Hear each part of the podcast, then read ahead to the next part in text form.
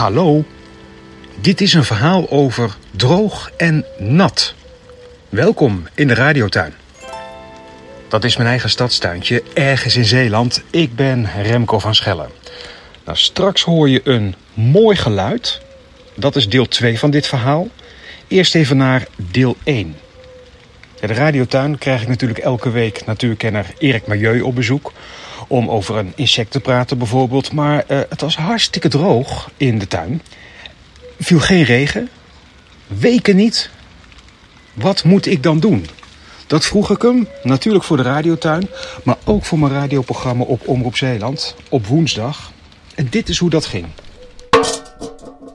Dit, wat ik je nu laat horen, is een geluid van gisteravond.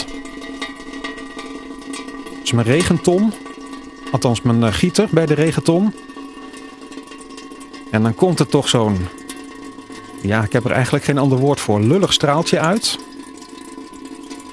Totdat hij dan gewoon echt begint te druppelen. En dan is de regen op. Dan vind ik de zon best lekker, maar het is ook heel erg droog. Hè?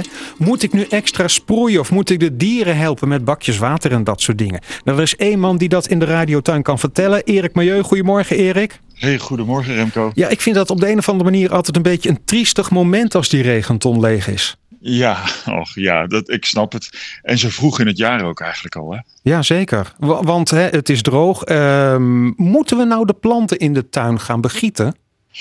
Ja, uh, altijd een goed idee. Kijk, onze, onze tuin staat vol met planten die hier, uh, die hier goed gedijen, maar ook planten die daar wat meer, meer moeite mee hebben.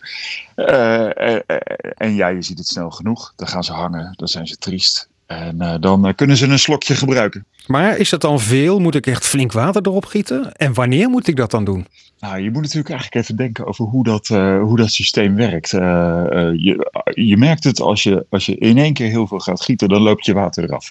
Maar het is dus een beetje slim eigenlijk om je, om je grond iets wat vochtig te maken. Maar daarna geef ze maar even fors. die, die bodem moet lekker nat worden, want die wortels die zitten niet op een halve centimeter hoog. Die zitten lekker diep. Dus flink water geven. En als je dan het moment moet kiezen, uh, ik zeg s'morgens zo vroeg mogelijk eigenlijk. Oh, waarom s ochtends? Ja, ja, sommige mensen die denken s'avonds, maar ja, over het algemeen dan zie je dat uh, s'nachts doen planten niet zo heel veel met, uh, met dat water, want dat is alles in rust. En dan is het nog heel heet na die warme dag. Uh, S'morgens is alles afgekoeld, dan staat alles ietsje meer open ervoor. En dan gaan die planten ook meteen met dat water aan de slag, in plaats van dat je de hele nacht ze een beetje in het water laat staan. En dan oh, krijg je ja. ook alleen maar schimmels en toestanden. Dus gewoon s'morgens heb je het goed nuttig kunnen die planten mee opwarmen met dat water. Hebben ze het gelijk ter beschikking. Dan kunnen ze de, de dag weer goed tegemoet. Goeie tips zijn dat. En het is een beetje een tweetrapsraket. Hè? Dus begrijp ik van jou eerst even een beetje de grond vochtig maken. Zodat dat wat open komt te staan. En dan die plenswater eroverheen. Zodat het naar beneden kan zakken. Precies. precies. Okay. Moet ik dat vaak doen eigenlijk? Elke dag of elke ochtend? Nou, ik zou eigenlijk je planten vooral een beetje stimuleren om zelf water te gaan zoeken. Dus niet te vaak. Uh, ik moet zeggen, ik doe het zelf ook maar heel weinig. Sommige planten die, die hangen een beetje te diffuus. Zo'n hortensia, ja, die wil nou eenmaal heel veel water en liefst elke dag. Maar over het algemeen de meeste planten die zijn blij met een slokje eens in de twee weken of zo. Oh, dus ik hoef dat helemaal niet elke dag te doen. Nee, zeker niet. Zeker niet. Nee, alleen je moet af en toe in de bres springen als iemand heel zielig gaat hangen. Ja, dan, uh... ja. Dan nog heel even naar de dieren. Uh, want ik zie de koutjes en de duiven met de bek open en de snavels open en zo. Want die hebben het hartstikke heet. Moet ik nou ook water, bakjes water neerzetten voor de dieren die bij mij in de tuin komen? Hommels, oh, ik zit maar wat te denken. Hè? Er is van alles is er. Ja hoor. Oh, en, en alles heeft water nodig. Uh, de, de Franse veldwespjes die komen water halen om hun nestjes een beetje koel te houden. De, de merels die hebben ook dorst uh, en uh, badderen, net zoals veel andere vogels, heel graag in een schaaltje water. Maar ook de dieren die we s'nachts voorbij weten komen, zoals de egels.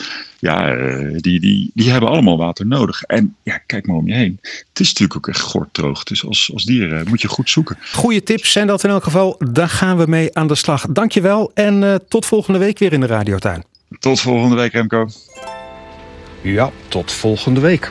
Maar nu, een paar dagen later, moet je eens horen. De regenton. Even de deksel optillen.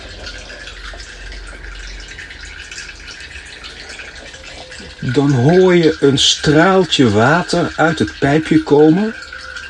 zo de regenton in, waar ondertussen alweer een laagje water is ontstaan. Nog niet heel veel, maar wel een beetje. Het regent dus. En dat is hartstikke goed nieuws voor de radiotuin. Voor jouw tuin, voor je balkon en voor de natuur om je heen. Alle babbels vind je op radiotuin.nl. Daar ook een foto van mijn regenton en de natte blaadjes. Tot volgende keer.